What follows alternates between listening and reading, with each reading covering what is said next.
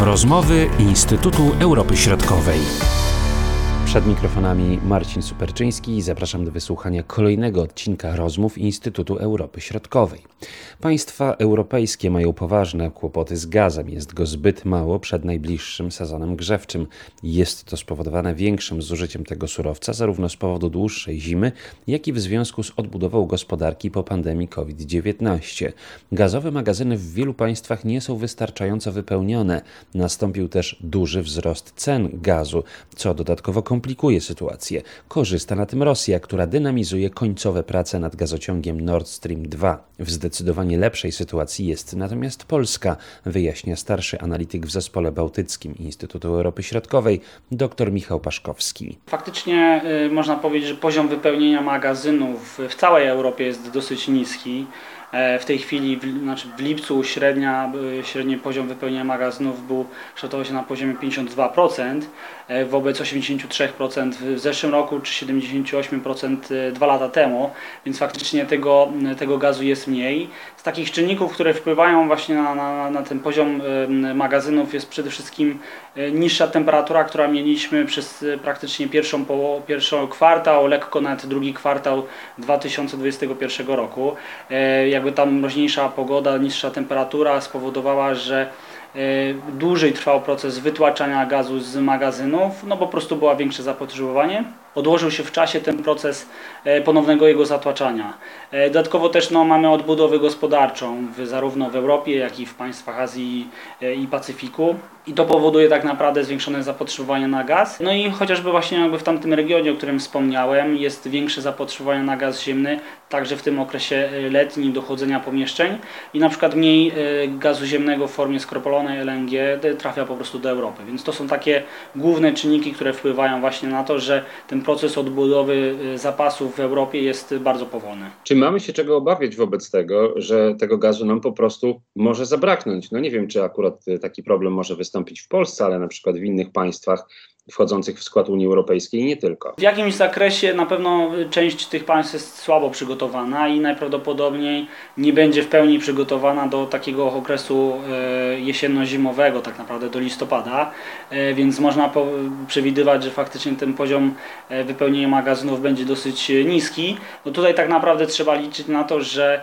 w miarę jakby jeszcze niezbyt chłodna temperatura jakby spowoduje generalnie, że nie będzie może mroźnej zimy w, w tym najbliższym okresie, no jest jeszcze szansa właśnie, że ten, że ten poziom bezpieczeństwa energetycznego w jakimś zakresie zostanie zachowany. A jeśli chodzi o te państwa, które są w najtrudniejszej sytuacji, to o jakich państwach możemy tutaj mówić? Na tą chwilę, jeżeli chodzi o ten poziom wypełnienia magazynów, to najniższy jest w Czechach, w Słowacji, a także w Bułgarii i Rumunii, więc te cztery państwa, e, można powiedzieć, z tych państw Europy Środkowej w tej chwili są na, no, najgorzej przygotowane do tego okresu e, właśnie jesienno-zimowego jest na to szansa, że dynamicznie zacznie się ta sytuacja poprawiać, czy też te czynniki, o których e, przed chwilą powiedzieliśmy, one powodują, że jednak no, ten wzrost tego gazu w magazynach będzie powoli postępował. Tak naprawdę nie ma e, sygnałów, nie ma takich e, dużych, można powiedzieć, czynników, które by wpłynęły na szybką odbudowę tych zapasów.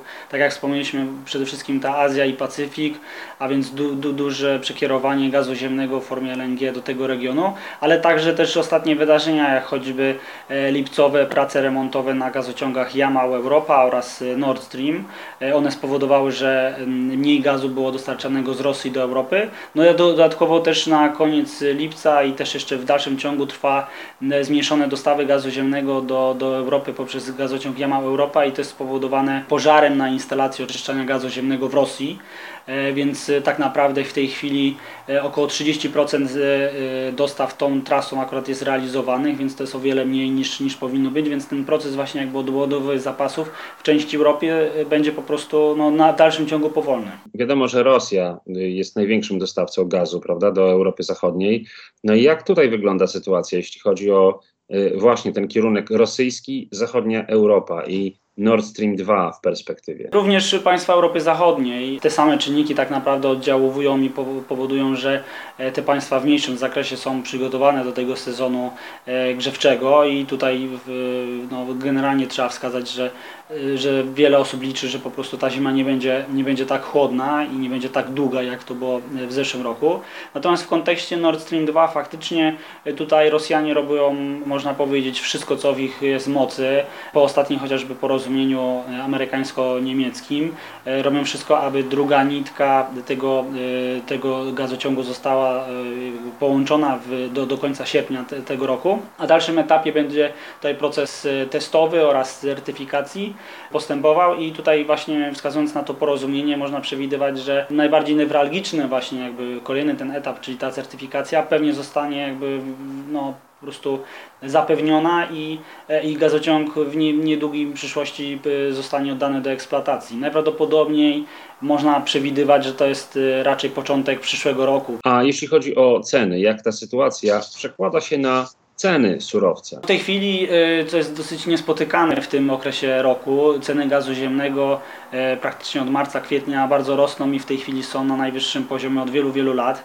Y, tak naprawdę na początku sierpnia mówimy o cenie 15 dolarów MMBTU wobec praktycznie 7 dolarów na początku roku, więc to jest praktycznie wzrost stuprocentowy, a tym bardziej właśnie jeszcze w okresie, gdzie to zapotrzebowanie na gaz ziemny jest teoretycznie mniejsze, właśnie z uwagi na mniejsze zapotrzebowanie do, do, do tutaj ogrzewania pomieszczeń, więc e, tutaj ten splot tych właśnie wielu czynników e, spowodował, że, że te ceny bardzo po prostu rosną.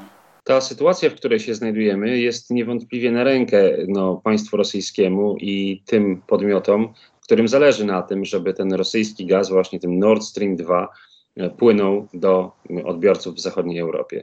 E, tak, zdecydowanie. No tutaj e, te wszelkie uwarunkowania rynkowe powodują, że dochody uzyskiwane ze strony tutaj Gazpromu są naprawdę na bardzo solidnym poziomie. Można powiedzieć, że, że Gazprom dzięki temu, dzięki obecnym cenom odbudowuje swoją, swój budżet właśnie z okresu pandemii z 2020, gdzie, gdzie firma poniosła duże straty finansowe z uwagi, że po prostu było mniejsze zapotrzebowanie na gaz gaz, więc w tej chwili faktycznie e, tutaj jakby tego typu firmie no bardzo zależy, aby ta cena utrzymywała się na jak najwyższym poziomie, no bo, no bo to są po prostu realne zyski. A co możemy powiedzieć jeszcze o Polsce w tym wszystkim?